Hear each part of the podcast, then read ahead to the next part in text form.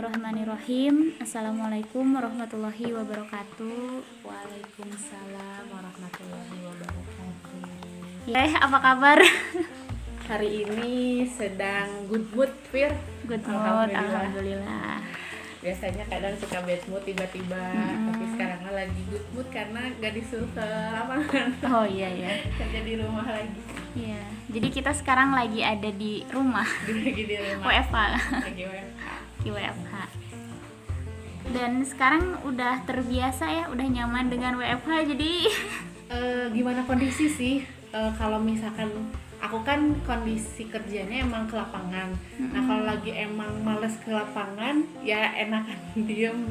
Karena kalaupun ke kantor juga eh, ya sama aja kayak Kayak di apa, rumah kayak di ya. rumah cuman bedanya nggak ada teman-teman gitu, nggak ada nggak ada teman biasa biasa ngobrol atau gimana. Iya Gitu. Kalau WFH enaknya kita nggak perlu mandi dulu kita Mandi dong. mandi ya tetap, Mandi pagi. tetap fresh Ya. ya Itu fresh, jadi biar ngerasa bahwa aku lagi kerja. Eh, eh, iya betul. Kalau nggak mandi bawaannya ngantuk, Ngantuk, gitu kan, males. Malah tiduran, Tiduran, akhirnya lupa ada eh, ada, ada kerjaan. Iya iya. Iya, jadi kita tuh hari ini mau sharing nih teh.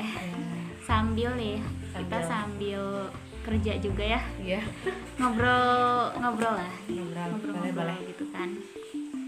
Eh ngobrol apa ya? Ngobrol apa ya? Temanya apa nih? Iya, jadi akhir-akhir ini ya tuh, eh, akhir-akhir ini tuh teh aku sering banget, mungkin teteh juga sering dengar gitu ya, kata-kata yang dulu tuh nggak ada gitu ya, baru baru baru sekarang. eh, baru sekarang lah gitu, Hmm. mendengar kata-kata itu tuh, karena mungkin sekarang ini ya apa namanya ada sosmed juga jadi ketik- lebih eh, lebih menyeluruh gitu kita tuh taunya hal-hal yang tadinya cuman circle itu doang jadi kita juga tahu iya kan. kita juga tahu. Karena sekarang juga orang tuh udah apa ya sh- eh, banyak yang sharing gitu ya teh ya. Kayak kayak kayak misalkan di Instagram mereka sharing tuh lewat postingan-postingannya lewat podcast. Jadi banyak juga wawasan yang akhirnya kita tahu gitu kan. Bener-bener. Nah mungkin teman-teman juga sering denger sih ini tuh ada bah- bahasa QLC teh QL QLC QLC itu quarter life crisis katanya. Gitu. Lagi booming ya Lagi sekarang booming, banyak mm. juga yang nge-up atau konten kreator konten kreator yang emang eh, sering ngebahas soal eh, apa QLC itu quarter life crisis ya kemarin juga sempet tuh lihat tapi belum nonton sih di YouTube-nya Yuki Kato Yuki Kato sama siapa gitu cinta Laura Ah, oke. Ah, iya. Nah, itu juga ngebahas soal eh, QLC ini, tapi aku belum nonton sih. Cuman maksudnya kirain kirain aku tuh si pembahasan ini tuh ada masanya ternyata sampai hari ini masih banyak orang yang ngebahas Ah, ternyata. iya dikira tuh eh, karena musiman gitu ya. Eh, karena karena kemarin musimnya QLC gitu jadi Ah, banyak yang ngebahas Bahas ya, ternyata sekarang juga masih masih banyak aja gitu kan. Ada aja gitu. ada aja. Aku juga eh, beberapa sih suka dengerin gitu ya podcast. Pernah mendengar atau membaca tentang QLC sedikit gitu kan. Ya walaupun kita di sini bukan ahli tentang itu ya Bidangnya. maksudnya bukan eh, bukan yang di bidangnya gitu ya kan itu kayak ranah psikologi nggak sih Iya betul. Ah, Lebih ke ranah psikologi bahkan mungkin sekarang juga eh, lagi banyak ngebahas tuh kayak mental health, mental breakdown dan lain-lain lah. Ya, maksudnya mungkin mungkin dulu mah ranahnya tuh lebih ke anak-anak psikolog kali ya yang ngebahas ini.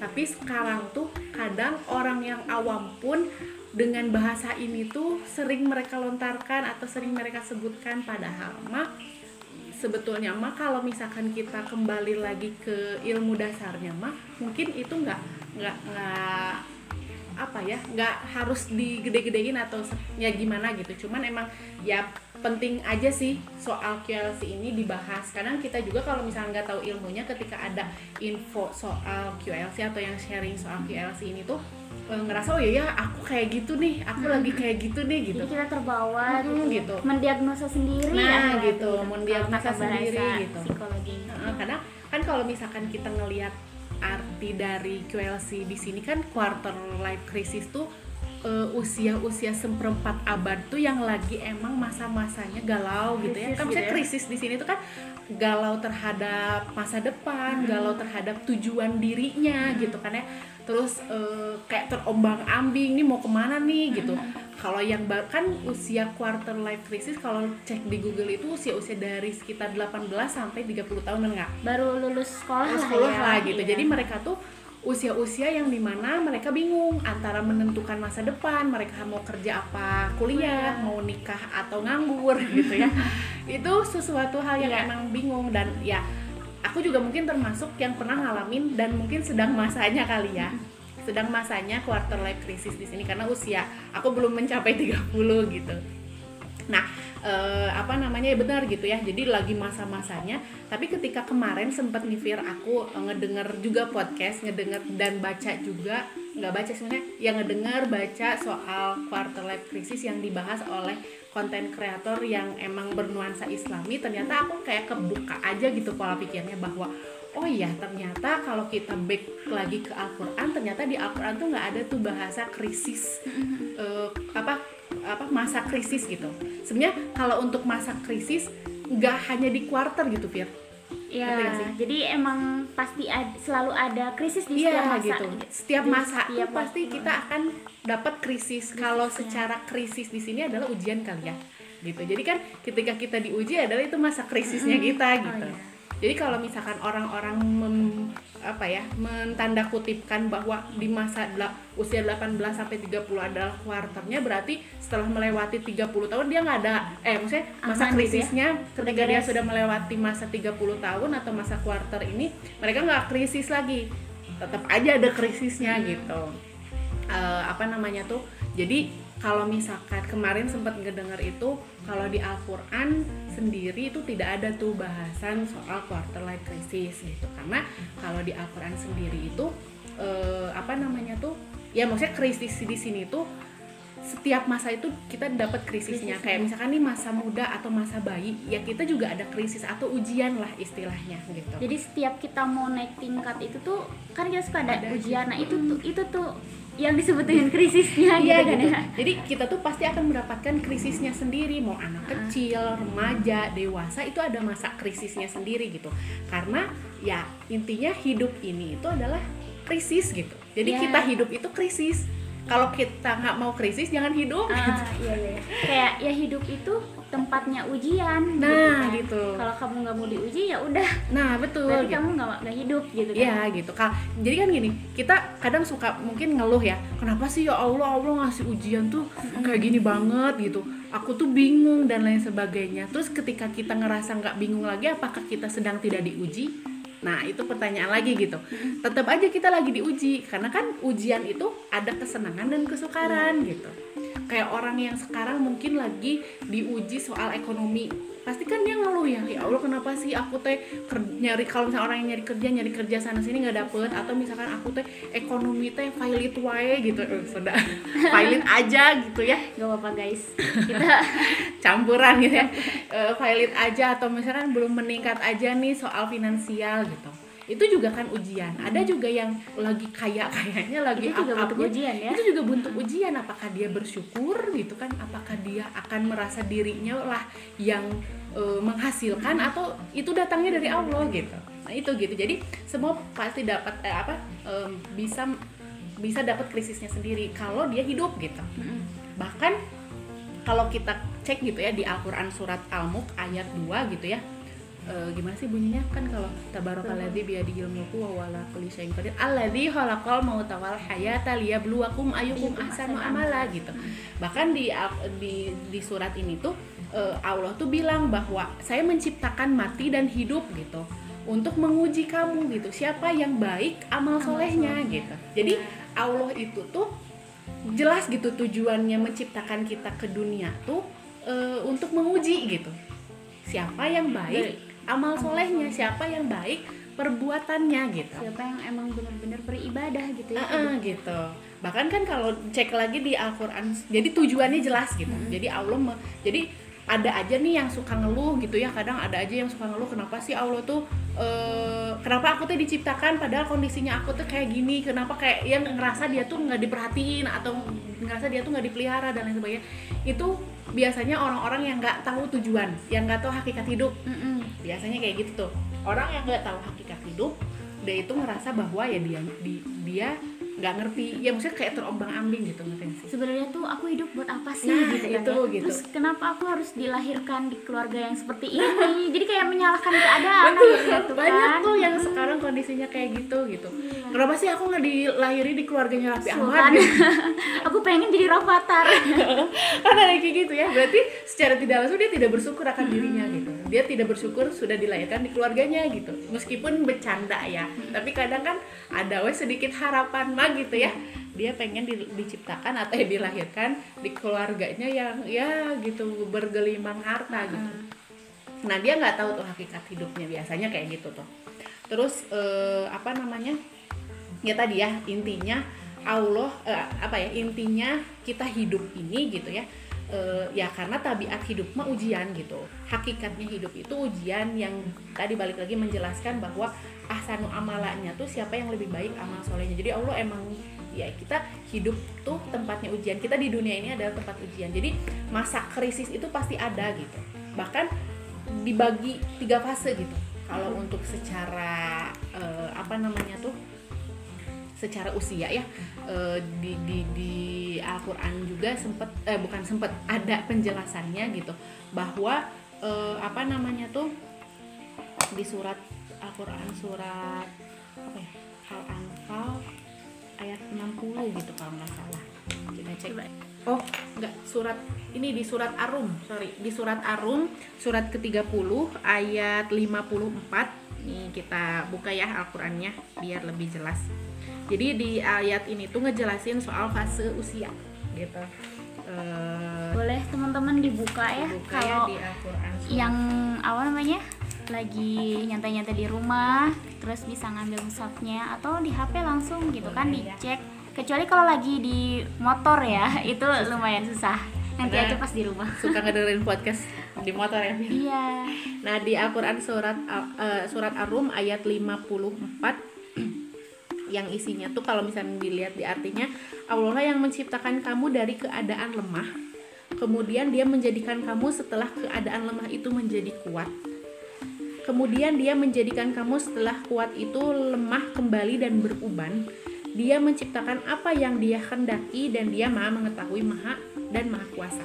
Nah, jadi di Al-Quran itu jelas gitu ya bahwa kita tuh punya fasenya sendiri gitu kita pernah lemah gitu. Kita akan mengalami eh, kita ya maksudnya kalau misalkan di awal mah kita akan eh, mengalami fase lemah dulu nih fase bayi. Fase masih anak kecil yang di mana itu tuh rentan rentan lah gitu ya. Belum bisa apa-apa juga. Belum bisa apa-apa dibentak dikit udah nangis gitu ya. Makan dia butuh disuapin butuh dibikinin lari-lari atau jatuh dikit aja udah sakit gampang patah. Misalkan kalau untuk dari segi diri tubuhnya Sangat gitu tulang. jadi karena masih lemah gitu dan di situ adalah dia juga di, diuji tuh gitu. Cuman ya diujinya dengan kapasitasnya dia gitu. Kebayang nggak? Jadi Iya, kapasi- kapasitas kita tuh beda-beda setiap masanya setiap fasenya gitu.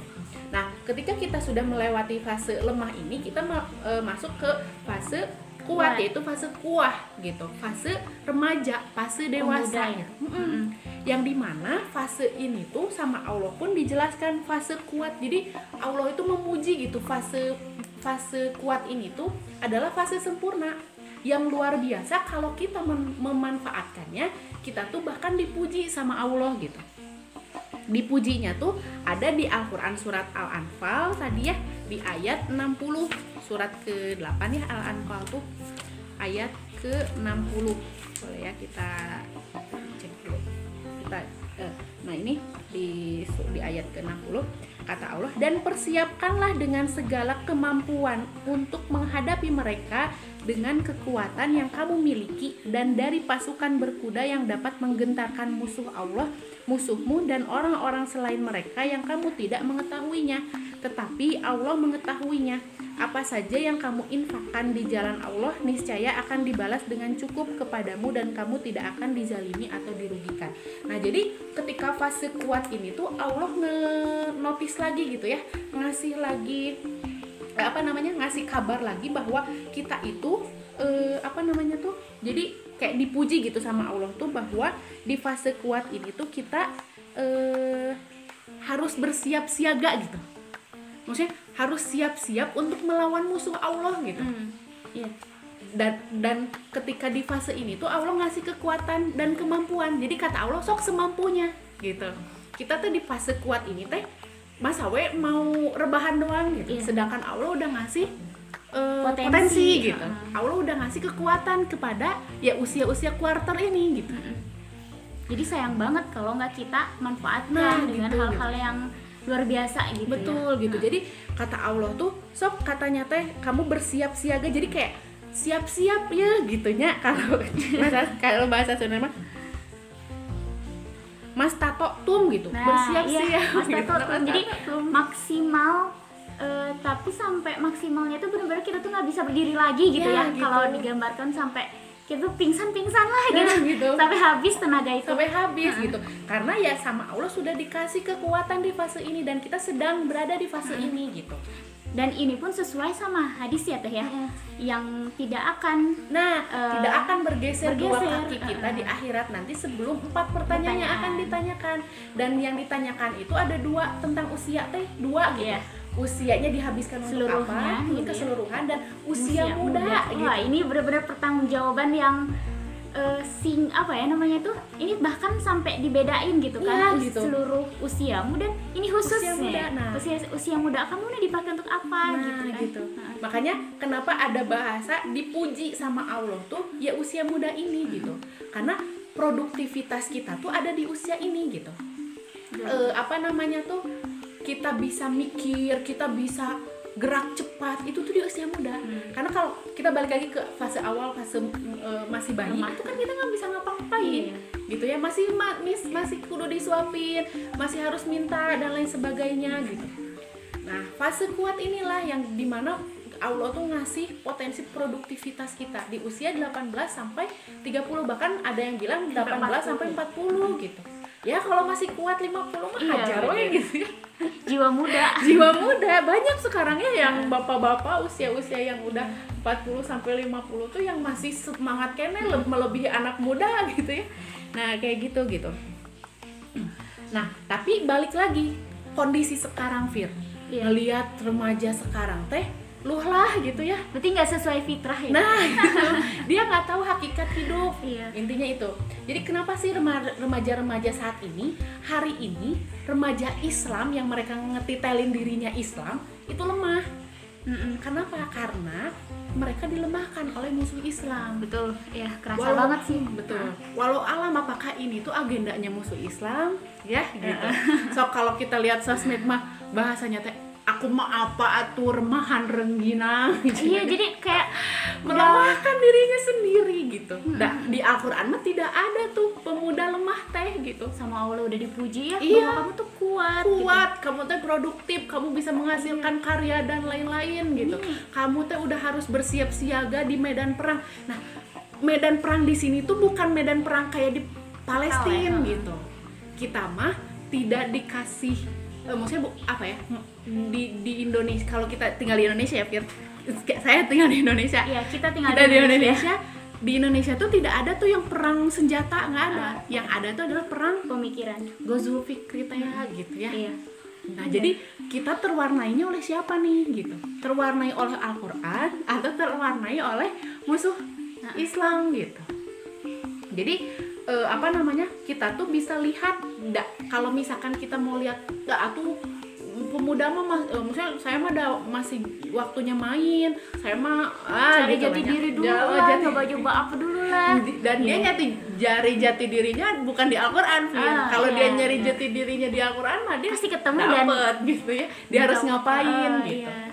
kalau misalkan kita ngeliat nih generasi-generasi Islam gitu ya di fase-fase muda ini tuh fase-fase kuat ini tuh mereka tuh memanfaatkan gitu. Kayak Al Fatih gitunya. Ah, betul. Oh itu Salahuddin Al Ayubi, siapa lagi? Ali bin Ali Abu Thalib, eh Ab- Abi. Ya, Pak Baliut, Mus Mus'ab bin Umair, uh wah itu. Keren banget keren tuh, banget duta Islam duta pertama Islam gitu. Dan pemuda itu Ah. teh gitu, ya. Anda mereka itu usia muda, bahkan mereka tuh udah jadi pemimpin. Gitu. Nah kenapa nih gitu ya? Eh, maksudnya kenapa mereka bisa usia muda 15 tahun, 17 tahun udah jadi panglima perang, udah jadi pemimpin? Kenapa mereka bisa jadi itu? Karena mereka sadar Sudah mereka sadar sadar mereka. bahwa udah menemukan gitu ya iya usia-usia mereka itu adalah usia-usianya produktif Hmm. gitu usia-usia terkuatnya itu mereka manfaatkan gitu beda kita mah boro-boro aku mah apa atuh banyaknya tiktok kan. Sok yang main tiktok lemah gemulai. Joget joget iya. cowok lagi. Cowok lagi ya gitu maksudnya tuh. Terus apa namanya tuh? Nonton drakor nonstop. Tidak tidak digerakkan Iya. ya gitu tanpa ada berimajinasi dan lain sebagainya gitu. Bermimpinya di kasur. Iya. Tapi kalau misalkan ya maksudnya eh, ya itu orang-orang yang sudah terwarnai gitu jadi mereka itu belum selesai dengan diri sendiri. Nah. jadi di fase pemuda yang harusnya dia kuat ini me- malah dia tuh galau, gitu galau akhirnya, gitu. Jadi kayak belum bingung aja gitu harus ngapain. Ya mungkin aku pun pernah ngalamin Ah, hal sama. itu ketika tadi ya si pemikirannya belum pemikiran Aku- Islam gitu belum pemikiran Al-Quran gitu ya. Eh apa namanya tuh? Jadi intinya mah ya pemikiran kitanya tuh harus pemikiran yang sudah terciprati oleh pemikiran Rabani Fir gitu kalau misalkan pemikiran kitanya sudah terbimbing oleh Al-Quran gitu ya pemikiran kitanya sudah eh, apa ya Tersirangi. tercerah tercahayai oleh Al-Quran ya insya Allah gitu jelas gitu ya Iya. tujuan kita teh mau ngapain meskipun kadang betul gitu ya ketika kita sudah sadar oh ya eh, tujuan aku ingin gini gini gini. Ketika di tengah-tengah nah ini ujiannya. Kata Allah istiqomah nih. Untuk menjadikan pemikirannya dirinya untuk menjadi pemikiran rabani kan tengah-tengah tuh pasti ada. Tadi ya gozul fikir teh ya gitu. Kita lagi perang. Ujian. iya ujian. Di tengah jalan pasti ngalamin eh, goyah lagi pasti ngalamin. Tapi balik laginya ke mana kita? Ya ke Al-Quran gitu. Tetep ya. tetap kita ke. Al-Quran gitu. Jadi panduannya gitu jadi kalau misalkan kita sadar mah gitu ya eh, bahwa di quarter ini tuh adalah fase-fase terbaik kita akan tidak ada tuh eh, waktu untuk berleha-leha.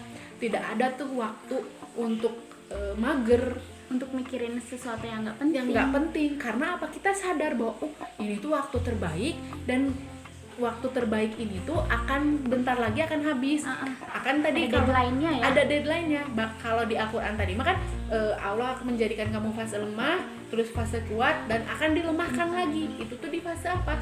Fase kita tua. Fase rambut kita sudah mulai berubah. Sok dicek rambutnya sudah berubah. Kalau sudah berubah berarti itu mendekati fase. Iya. Ya bisa jadi gitu ya. Itu tuh sudah mendekati fasenya fase tua atau dovin soyiban balik lagi ke lemah Iya. gitu. Apalagi ya kita pun nggak pernah tahu ya usia tuh akan Nah, sampai kapan gitu ya. Kalau misalkan kita punya pemikiran ayo udahlah nanti weh eh, berproduktifnya di usia-usia mendekati eh, do, do, dovin soyiban gitu nya Pas nah, fase tua biar biar rada-rada eh, apa deket lah gitu ya iya mangga. Kalau nyampe gitu. Ya ini pun fase fase lemah ini pun kalau kita bisa melewati fase kuat gitu. Paham nggak? Maksudnya kalau Iya. kita mau melewati fase lemah lagi atau fase tua ini kalau kitanya sudah melewati fase kuat. Kalau kita melewati kalau enggak nah Mm-mm. orang setiap orang punya batasan waktu dan kita nggak semua sama gitu. Mungkin aku sama Vira mungkin aku duluan atau Vira duluan walau alam gitu. Tapi di sini ketika kita sudah menyadari bahwa kita harus eh, apa namanya harus memanfaatkan ya gimana caranya otak kita tuh muter mikir gitu, aku mau ngapain nih? A- apa namanya kalau di hadis mah di hadis? Ya nah kalau di hadis mah kan khairun nas anfahum linnas gitu. Sebaik-baik manusia adalah yang paling bermanfaat bagi orang lain gitu bagi manusia gitu. Maksudnya nah kita ketika kita sudah sadar dengan waktu dengan fase kita yang fase kuat ini masa kita nggak mau memanfaatkan diri kita untuk bisa bermanfaat bagi orang lain gitu? Mm-mm. ya. Sayang banget. Sayang banget gitu ya kita punya ilmu nih. Yuk kita sharekan. Kita punya eh, potensi apa nih? Yuk bermanfaat apa enggak? Kita kembangkan gitu. Karena Allah menciptakan kita ke bumi ini teh tidak untuk main-main. Iya, Allah ngasih satu paket lah istilahnya mah gitu. Jadi Allah ngasih fot, po- po- Allah ngasih potensinya Allah ngasih rezekinya gitu kan ya. Allah ngasih apa lagi Eh, yang ngasih Fasilitasnya. fasilitasnya gitu. Objeknya juga udah ada. Objeknya udah ada begitu kan ya. Tinggal mau apa enggak kita nih iya. ngerjainnya? Mau apa enggak nih kita geraknya gitu. Dan itu tuh gratis. Gratis? Ah udahlah gitunya tinggal apa? Tinggal kitanya mau berkorban apa enggak. Iya, kita mau capek dak wajar sih ya capek capek wajar karena kan di Al-Qur'annya sendiri ya. bahasanya fas fastabikul Nah, khairat itu. berlomba-lomba dalam kebaikan. ada nggak yang lomba nggak capek? Nggak, namanya lomba mah Wah, gitu ya. Sampai semua ngesang. dikerahkan gitu kudu ngesang gitu. Kan kalau misalkan tadi ada tuh pokoknya di Al-Quran eh, aku lupa lagi. Pokoknya intinya dijelasin bahwa kita kalau mau nyari rezeki ya berjalanlah gitu ya maksudnya keluarlah. keluarlah terus bahasanya berjalan lah maksudnya berjalan di sini teh ya tuh kudu ngejar-ngejar dunia. Yang harus kamu kejar mah adalah kebaikan gitu. Jadi nyari duit mah dah udah ditakar Ya, nyari rezeki maksudnya nyari harta mah udah ditakar sama Allah nih takarannya segini segini ya tinggal balik lagi kita nyarinya halal apa haram gitu ya kalau untuk rezeki. Gitu. Jadi kita tuh eh, apa namanya ya kalau misalkan ini mah kita nggak ada waktu lagi gitu ya. Maksudnya nggak ada waktu karena kalau untuk berhabis-habis eh, apa menyia-nyiakan waktu mah ya balik lagi tadi kita sudah menyadari bahwa usia ini itu adalah usianya produktif gitu ya. Dan kita tuh akan menghadapi fase lemah yang di mana itu udah nggak bisa ngapa-ngapain lagi. Bahkan ada tuh di ha- eh, hadis. Aduh aku aku karena eh, nggak ngafalin hadisnya jadi cuman eh, tahu aja gitu ya sempat ngedengerin ceramahnya dokter Rizwan apa gitu. Dia tuh bilang kalau misalkan di usia-usia 50 ke atas itu Allah tuh ngasih kompensasi. Maksudnya ngasih kompensasi tuh dari segi eh, apa namanya tuh? Ya dari segi jadi kita tuh akan condong ke dalam kebaikan. Jadi gini contohnya ketika dia udah tua dia kan lemah nih. Dia udah nggak ada nggak ada nggak udah nggak punya tenaga lagi untuk bermaksiat istilahnya. Jadi condongnya teh ke kebaikan we gitu. Iya. di usia-usia itu teh. Jadi sedekah Oh, yang tadinya ngaji. nah kalau misalnya pas lagi mudanya dia seneng eh, ke apa namanya ke Klub. nongkrong ke klub dia udah nggak ada waktu lagi. Jam-jam 10 dia udah ngantuk gitu kan. Cina bahasanya tuh gitu ya. Terus di usia-usia eh, 80 eh, usia-usia yang di mana malaikat tuh mendoakan gitu malaikat tuh sayang gitu ke ke orang-orang yang usianya 80 makanya kenapa kalau kita punya orang tua yang usia-usia 80 tuh kalaupun nyebelin gitu kan pikun ya rata-rata tetap kita tuh kudu sabar karena dia aja disayang malaikat gitu masa kita nggak sayang Disayang. gitu Hmm. nah terus di usia-usia ya kalau misalkan mencapai sampai 90 sampai 100 mereka itu akan dicatat amal solehnya yang di mana dia kerjakan ketika dia muda. Oh. Gitu. jadi Insya Allah ya. Di ini lagi ya? Maksudnya teh apa balik lagi Balik gitu. lagi. jadi misalkan nih kita pas mudanya seneng dakwah nah lagi pas usia segitu kita udah nggak dakwah lagi. Tetap ya, catatannya mah dicatat. amal solehnya amal soleh kita lagi dakwah gitu. Maha pemurahnya Allah. Nah gitu gitu. Makanya kenapa si usia muda ini ketika eh, ketika nanti di akhirat kenapa kaki kita nggak akan bergeser sebelum empat yang ditanya yang termasuk usia muda? Karena ini tuh akan jadi tolak ukur kita nanti masa tuanya gimana gitu. Kalau kita melewati masa tua ini gitu. Iya. Da- banyak lah gitunya kenapa Allah tuh eh, apa sampai memuji usia kuat ini gitu fase kuat ini teh. Ya tadi banyak kebermanfaatannya banyak banyak eh, apa namanya tujuan Allah tuh gitu. Menguatkan kita di usia quarter ini gitu. Jadi eh, ya apa namanya jelas ya gitu. Usia muda ini adalah usia yang ya di mana kita tuh harus produktif dan karena kita dikejar deadline Fir, gitu. Mm-mm.